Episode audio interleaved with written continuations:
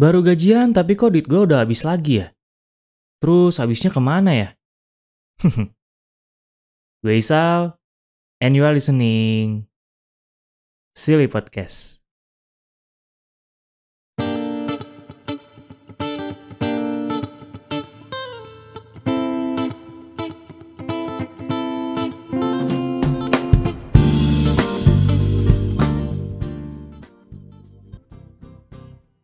Yap. Sesuai sama analogi gue di awal tadi, malam ini atau hari ini kita bakal bahas uh, suatu keadaan di mana mungkin uh, kita semua pernah mengalami gitu ya. Apalagi buat teman-teman yang udah kerja gitu ya, yang udah punya penghasilan sendiri, entah itu dari uh, kerja atau dari uh, hasil usaha gitu ya.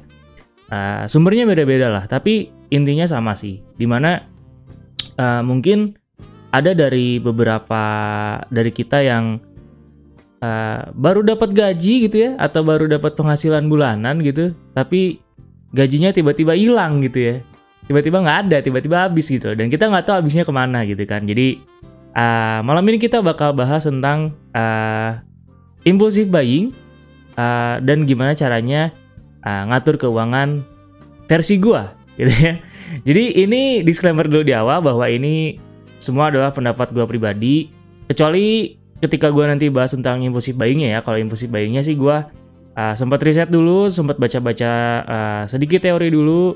Tapi kalau untuk gimana caranya ngatur uang gitu ya, nanti bahasan tentang uh, gimana caranya kita ngatur uang gitu loh. Terus uh, gimana caranya memprioritaskan keuangan kita ke hal-hal tertentu gitu. Itu semuanya versi Gua pribadi, versi pengalaman gua pribadi, jadi mungkin tiap orang bakal beda-beda dan mungkin nggak akan sama juga buat keadaannya teman-teman gitu ya.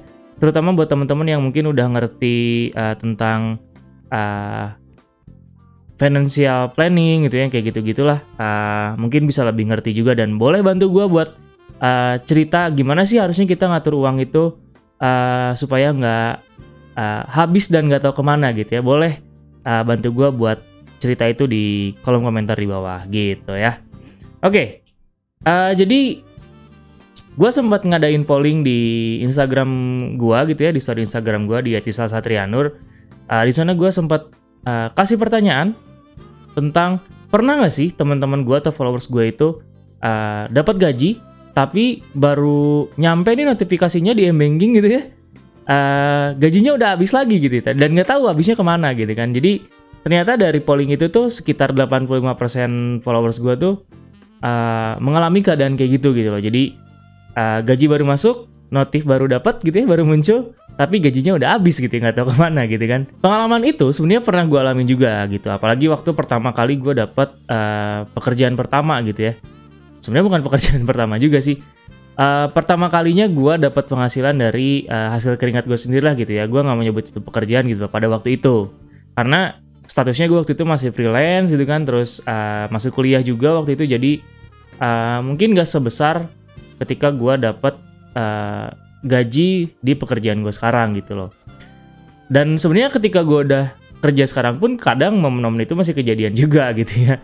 Uh, dan gue yakin juga teman-teman yang uh, udah bekerja pasti ngalamin ini juga gitu kan. Uh, pernah lah beberapa kali pasti ngalamin gitu loh. jadi uh, ada satu keadaan yang udah gue sebutin tadi di awal yang namanya impulsive buying di mana impulsive buying itu adalah satu keadaan di mana kita uh, membelanjakan uang yang kita punya terhadap barang atau jasa gitu ya secara tidak sadar uh, secara spontan dan uh, tanpa uh, pertimbangan pemikiran yang logis terlebih dahulu gitu loh. Jadi uh, ibarat katanya gini lah kita belanja tanpa dipikir dulu gitu loh ya. Kita membeli sesuatu atau membayar sesuatu tanpa dipikir uh, terlebih dahulu gitu loh. Karena di impulsive buying sendiri, yang dominan uh, bermain atau yang dominan mengontrol perilaku kita adalah emosi dan perasaan gitu loh. Itu yang membuat jadinya uh, apa yang kita beli itu uh, bisa jadi sebenarnya sesuatu yang kita nggak butuh, tapi kita uh,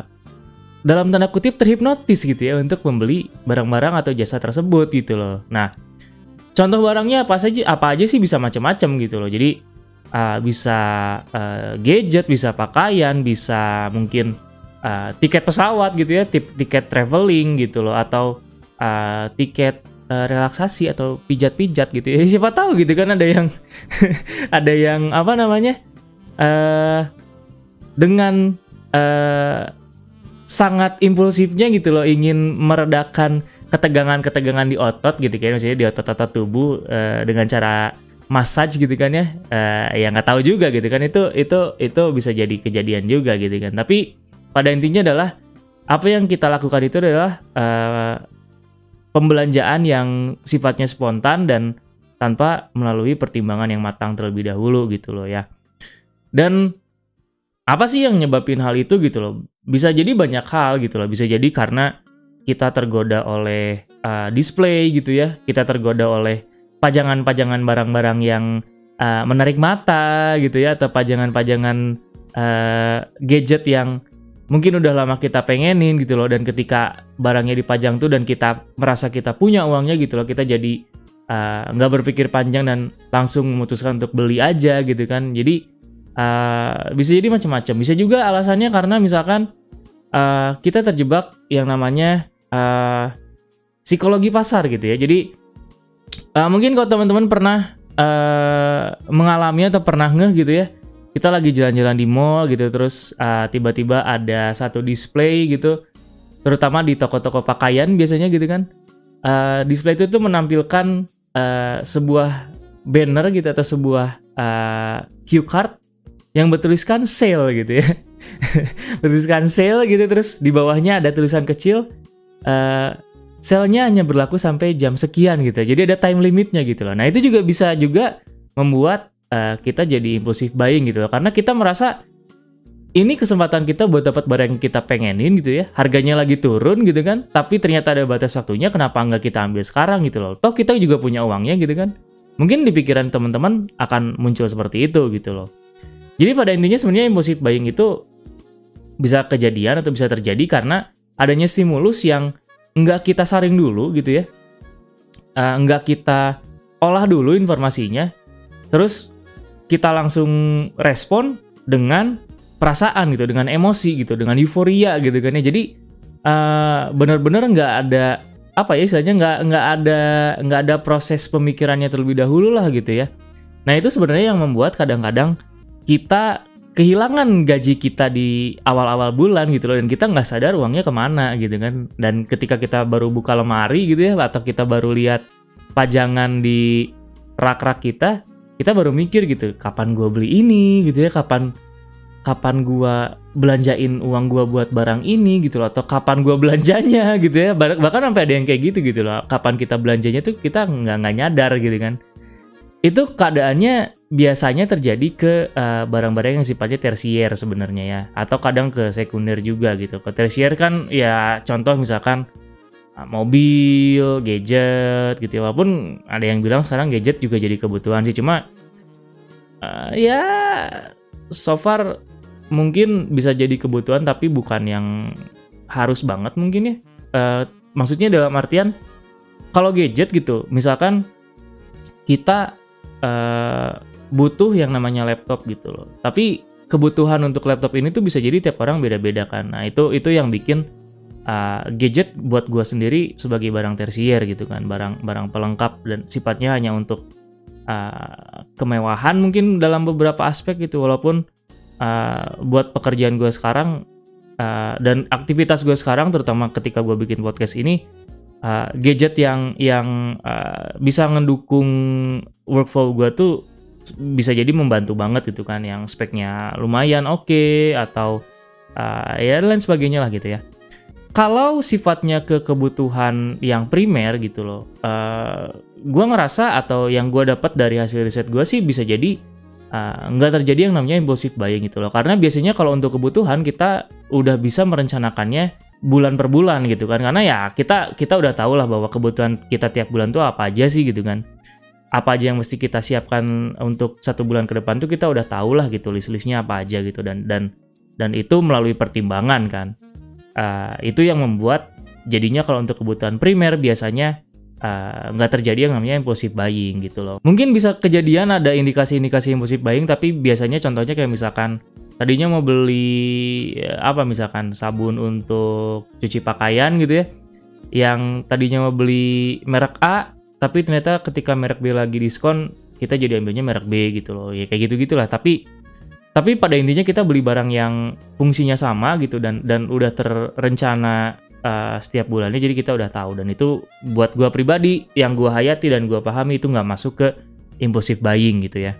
Biasanya impulsive buying juga terjadinya benar-benar spontan gitu. Jadi jadi ketika kita ada di spot tertentu gitu ya misalkan lagi di mall benar-benar pada saat itu kita memutuskan untuk beli gitu loh. Itu itu kenapa gue bilang tadi di awal tidak mengalami proses uh, pertimbangan terlebih dahulu gitu. Karena sifatnya benar-benar spontan gitu nggak nggak terpikirkan sama sekali gitu kan.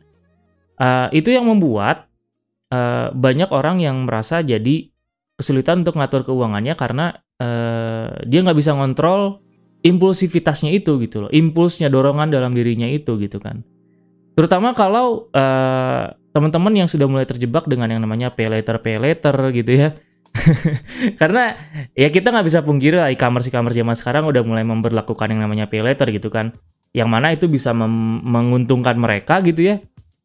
Uh, dari segi uh, profit gitu dan dan sebenarnya pun buat buat kita sebagai konsumen itu bisa menguntungkan kita juga kalau kita bisa ngatur dan bisa merencanakannya dengan baik. Tapi yang gue temui di circle gue gitu ya, kebanyakan justru malah terjebak dengan rayuan-rayuan dan janji-janji manis dari si pay later ini gitu loh, yang uh, gajinya bener-bener abis buat bayar pay later tuh gue pernah nemu gitu loh uh, di circle gue sendiri gitu kan. Nah, uh, itu itu itu keadaan uh, impulsive buying ya teman-teman. Nah, sekarang gimana sih supaya kita terhindar dari si impulsive buying ini gitu loh. Yang pertama adalah yang jelas kita harus melakukan perencanaan terhadap uh, keadaan finansial kita sendiri gitu loh ya. Kenapa kita harus melakukan itu? Supaya kita bisa mengukur dan mengontrol diri kita sendiri gitu ya. Gambarannya gini lah. Dengan melakukan perencanaan, kita kita kita otomatis akan uh, melakukan yang namanya identifikasi dulu kan. Kita harus kita harus uh, lihat dulu nih oh finansial uh, gua atau keuangan gua sekarang ada di titik A misalkan ya. Kalau finansial gua ada di titik A, apa aja yang bisa gue lakukan dengan dengan uh, keadaan keuangan tersebut gitu loh. Apa aja yang bisa gue penuhin dan apa aja yang bisa ya apa aja yang nggak bisa gue penuhin gitu kan.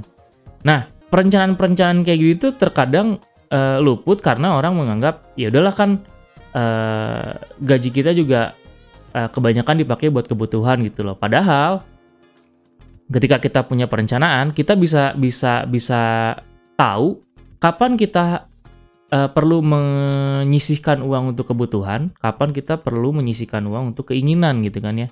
Nah, ini yang kadang suka bentrok nih. Jadi uh, antara kebutuhan dan keinginan pun kadang kita, uh, kita dan dan gua dan gua pribadi ya itu juga kadang masih suka uh, tubrukan nih gitu masih suka nggak akur gitu kan. Masih suka bias lah istilahnya gitu.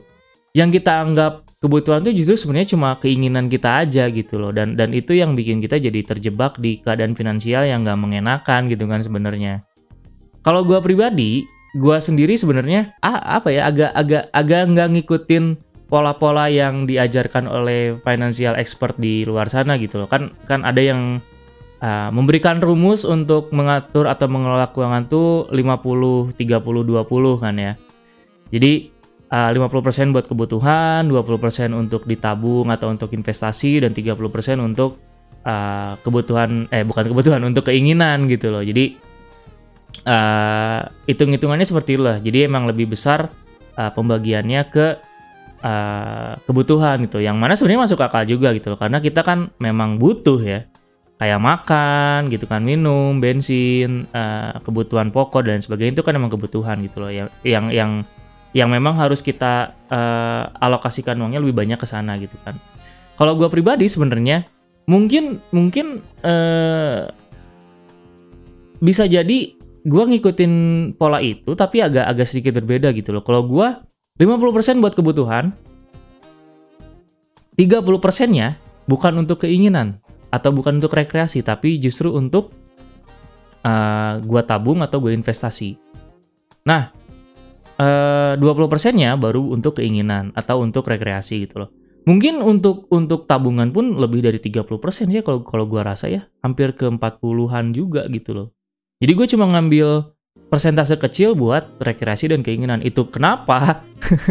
Sebenarnya gua uh, jarang keluar rumah sebenarnya gitu loh jarang banget main gitu kan ya entah mungkin kalau nanti tiba-tiba punya pasangan gitu ya kalau sekarang kan masih belum nih jadi gua gua nggak merasa punya uh, keharusan dan kebutuhan untuk sering banget keluar rumah gitu loh. Itu yang gue lakukan. Jadi 40% yang uh, gue alokasikan untuk tabungan itu memang benar-benar gue tabungin dan itu gue sisihkan ya, bukan sisa gitu loh. Jadi uh, ketika gue nerima gaji, ketika gue dapat gaji atau gue dapat penghasilan, gue langsung sisihkan 40% untuk masuk ke tabungan. Nah, setelah itu, gue sisihkan 50% untuk kebutuhan. Kebutuhan itu adalah misalkan kebutuhan makan gua gitu ya, kebutuhan uh, misalkan pak, uh, bukan pakaian. Pakaian sih bisa jadi keinginan ya. Uh, kayak misalkan uh, ngasih ke orang tua gitu ya, terus beli keperluan pribadi gitu. Uh, bensin, pulsa dan lain sebagainya gitu ya. Itu itu 50%. Dan 10%-nya baru gua pakai buat rekreasi. Biasanya uang 10% ini tuh gua belikan misalkan uh, pakaian yang baru gitu ya, baju uh, baju pakaian, uh, jaket atau misalkan gua nongkrong sama teman-teman gitu atau gua kasih self reward gua uh, misalkan beli makanan yang uh, lumayan fancy gitu ya, lumayan mahal gitu ya. Kayak gitu-gitulah. Jadi uh, mungkin bentuk bentuk bentuk bentuk alokasinya bakal beda-beda buat teman-teman ya. Tapi itu yang gue lakukan supaya gue terhindar dari impulsif buying. Dan sebenarnya ketika gue udah melakukan itu pun terkadang gue masih masih ngerasa bahwa gue melakukan impulsif buying gitu loh. Terutama kalau gue berhasil uh, apa ya mengatur keuangan gue untuk kebutuhan tuh bisa lebih gue press gitu ya. Dan gue punya uh, sisa uang lebih di akhir-akhir bulan gitu. Terkadang gue jadi cukup impulsif buying juga gitu loh dengan misalkan uh, eh, gue udah pengen beli apa gitu ya dari dari kapan terus wah ada uang dingin nih gitu kan. Udah gue langsung beliin gitu. Padahal gue masih bisa alokasikan uang itu buat buat buat hal yang lain yang yang mungkin bisa gue spend lagi untuk investasi misalkan ya. Karena jujur gue pribadi pun sampai saat ini belum belum belum melakukan yang namanya investasi gitu loh. Yang mana itu sebenarnya penting gitu ya uh, perlu teman-teman tahu bahwa mungkin investasi dalam bentuk apa pun ya lu mau misalkan beli reksadana lu misalkan mau investasi ke logam mulia gitu ya atau lu mau uh, investasi ke saham gitu ya uh, itu tuh uh, sangat berguna dan sangat kerasa walaupun nggak instan gitu loh. Karena invest, judulnya aja investasi ya judulnya investasi gitu kan. Jadi nggak nggak bisa kita rasakan secara instan gitu loh emang butuh waktu yang lama buat ngerasain income-nya gitu kan atau benefitnya gitu. Tapi memang karena uh, mungkin uh, masih banyak yang ragu gitu atau belum paham gitu ya atau uh, kayak berita sekarang lah gitu ya mulai banyak yang ngerasa ketipu gitu ya dengan dengan dengan bentuk-bentuk investasi yang kayak binary option gitu yang kayak gitu-gitu gitu uh, jadi jadi masih ragu dan takut untuk menginvestasikan uangnya uh, untuk masa depan gitu padahal kalau kita tahu ilmunya sebenarnya uh, investasi itu sangat menguntungkan banget terutama untuk ke depannya gitu. Uh, kadang kan kita nggak tahu ya.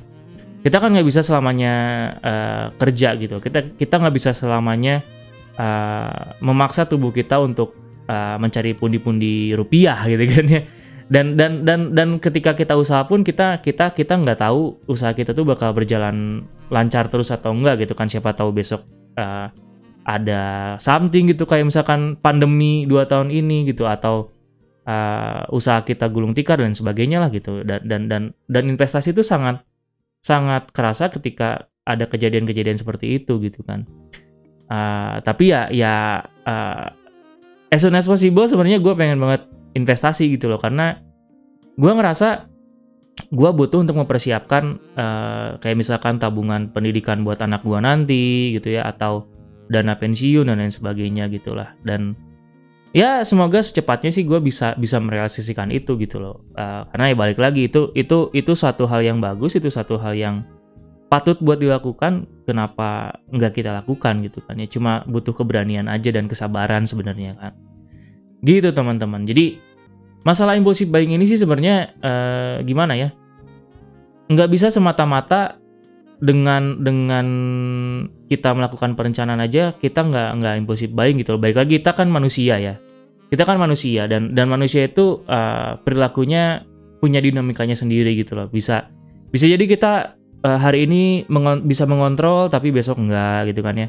Bisa jadi hari ini kita kalem-kalem aja, besok uh, euforianya beda lagi gitu kan. Jadi uh, memang butuh butuh uh, apa ya kayak alarm juga gitu butuh pengingat juga gitu loh bahwa kita tuh hidup bukan untuk hari ini aja gitu loh. Kita hidup untuk uh, waktu yang lama. Jadi keadaan-keadaan di mana kita ingin sesuatu dan ingin buru-buru memenuhinya tuh itu perlu perlu perlu kita pertimbangkan gitu loh. Dan perlu yang namanya uh, kebijaksanaan juga gitu kan.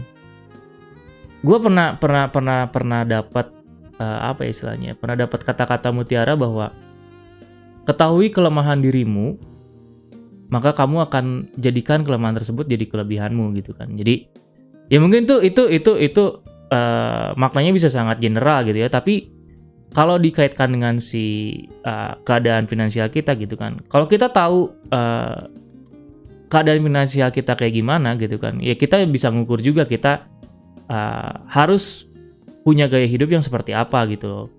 Nah, yang jadi apa ya kekonyolannya gitu ya. Terkadang kita uh, tahu keadaan keuangan kita tuh tarafnya di mana, tapi kita memaksakan untuk punya gaya hidup yang di atasnya gitu loh. Ya dengan dengan tuntutan sosial yang sekarang sangat wadidaw jiwa gitu ya. Uh, apa-apa harus di flexing gitu kan ya, apa-apa harus ditampilkan uh, ke sosial media gitu itu itu sedikit banyak jadi ngaruh juga ke uh, apa ya kehidupan finansial kita gitu loh ya dan dan dan itu juga yang bikin uh, keadaan impulsif buying itu juga uh, apa ya jadi sering uh, muncul gitu loh dan jadi sering merugikan juga gitu loh. Karena itu tadi kita nggak punya uh, kontrol terhadap diri kita kita hanya aimingnya uh, gue ingin terlihat keren gue ingin terlihat kaya gue ingin terlihat uh, apa ya berkelas gitu. Gue pengen diterima di uh, circle yang uh, seperti apa? gitu loh. Yang kayak gitu-gitu jadi berpengaruh juga ke kehidupan finansial kita gitu loh. Dan ya saran gue sih ketika ketika ketika kita belum bisa masuk ke gaya hidup yang uh, levelnya di atas kita ya kita bersabar aja gitu. Kita usaha aja. Kita tetap usaha kita tetap uh, mengusahakan gimana caranya biar uh, mungkin taraf hidup kita bisa lebih meningkat gitu dengan dengan tetap uh, bekerja, tetap berdoa juga gitu kan ya. Uh, tapi kita perlu ingat juga bahwa ketika kita udah stay di satu lifestyle yang buat kita nyaman dan kita tiba-tiba nggak bisa melakukan itu dan kita harus menurunkan lifestyle kita, itu pasti bakal bakal sulit gitu loh. Bakal bakal butuh waktu dan bakal butuh adaptasi lagi gitu loh. Karena kita udah merasakan kenyamanan dan kenikmatan gitu kan. Ketika kita kehilangan itu kan uh, secara manusiawi kita akan ya kok gue jadi kayak gini lagi sih? gitu. Kayak misalkan yang tadinya lu punya mobil jadi nggak punya mobil tuh jadi ya masa gue harus naik grab sih? Masa gue harus uh, naik angkot sih atau naik bis umum? Kayak gitu gitulah dan dan ya uh, eh, gue selalu uh, berprinsip kayak gini sih. Tetaplah berada di titik di mana lu nggak nyaman supaya lu tetap nyaman gitu. Ya. Mungkin mungkin akan terdengar sangat konyol bagi teman-teman gitu ya tapi tapi uh, eh, gue ngerasa gini ketika gue punya kemampuan finansial untuk menaikkan lifestyle gue gitu ya terus gue memenuhi uh, lifestyle itu gue khawatir itu tadi gitu loh. Ketika gue nggak bisa memenuhi lifestyle itu lagi dan gue harus kembali ke titik yang ada di bawahnya, gue akan akan denial gitu loh. Gue akan menolak. Gue akan ada ada perasaan di mana mm, gue nggak pantas kayak gini gitu. Gue gua udah pernah ngerasain ini loh. Gue harus gua harusnya di sini gitu. Nah nah nah keadaan yang kayak gitu tuh yang uh, apa ya? Gue hindari gitu loh. Makanya gue berusaha untuk tetap ya apa adanya aja lah gitu ya atau adanya apalah gitu ya nggak usah yang uh, terlalu ribet-ribet banget gitu nggak usah yang terlalu flexing flexing banget juga gitu uh, prinsipnya adalah ketika gue memang benar-benar butuh sesuatu entah itu barang entah itu jasa entah itu apa pun gitu ya. Ketika gue benar-benar butuh uh, dan memang itu gue rasakan benefitnya dan ada benefitnya gitu ya gue akan penuhin. Tapi kalau memang ternyata itu hanyalah keinginan gue aja hanya uh, dorongan uh, apa ya dorongan ingin show offnya aja gitu ya dorongan ingin flexingnya aja ya. Gue gua gua berpikir dan gue berusaha untuk mengontrol uh, untuk tidak memenuhi itu gitu loh. Karena uh, bahayanya adalah kenyamanan itu adalah adiksi yang paling sulit untuk dihilangkan atau diredakan gitu loh ya. Mungkin teman-teman ada yang pernah merasakan itulah ya. Uh, punya gaya hidup yang mewah gitu ya, punya gaya hidup yang uh, sosialita gitu yang kayak gitu gitulah. Dan ketika teman-teman kehilangan itu tuh ada perasaan yang denial gitu, ada perasaan penolakan gitu loh. Jadi uh, ya kalau pesan gue buat teman-teman sih hargailah apa yang lu punya sekarang gitu ya. Kenali apa yang lu butuhkan gitu. Uh, sesuaikan apa yang lu punya dengan apa yang uh, bisa lu tampilkan gitu loh. Karena ketika kita hanya berpatokan ke penampilan, ke harta, ke hal-hal yang sifatnya flexing gitu ya, uh, itu nggak akan bertahan lama gitu loh. Itu cuma itu cuma atribut yang yang sekilas uh, indah dilihat orang gitu loh. Sementara kebahagiaan yang uh, sebenarnya kan sebenarnya ada di hati kita sendiri ya, ada di perasaan kita sendiri gitu loh. Jadi ya hargai apa yang lu punya sekarang lah kalau menurut gua ya. Dan berusahalah untuk mengenali lebih dalam apa yang lu butuhkan supaya lu bisa mengontrol uh, keuangan yang lu punya gitu loh ya. Itu aja teman-teman. Buat teman-teman yang belum follow Silly Podcast di Spotify silahkan tekan tombol follow-nya di bawah ya Buat teman-teman yang nonton atau dengerin ini di IGTV, boleh tekan tombol hati yang ada di pojok kiri bawah atau tap layarnya dua kali supaya ada, ada tanda hati di tengah gitu ya. Terus buat teman-teman yang uh, ingin berbagi uh, tips-tipsnya tentang cara mengatur keuangan gitu ya, atau mau berbagi pengalamannya tentang uh, cara mengenali diri dan kebutuhan supaya finansial kita lebih sehat, boleh tulis uh, ceritanya di kolom komentar di bawah. Uh, ah, gue bakal sangat senang hati ketika teman-teman bisa berbagi ceritanya di kolom komentar dan kita diskusi bareng-bareng di sana ya. Itu aja teman-teman buat episode kali ini. Uh, semoga di episode kali ini walaupun gue sendiri ada nilai uh, faedah yang bisa teman-teman ambil gitu ya. Dan I'm out.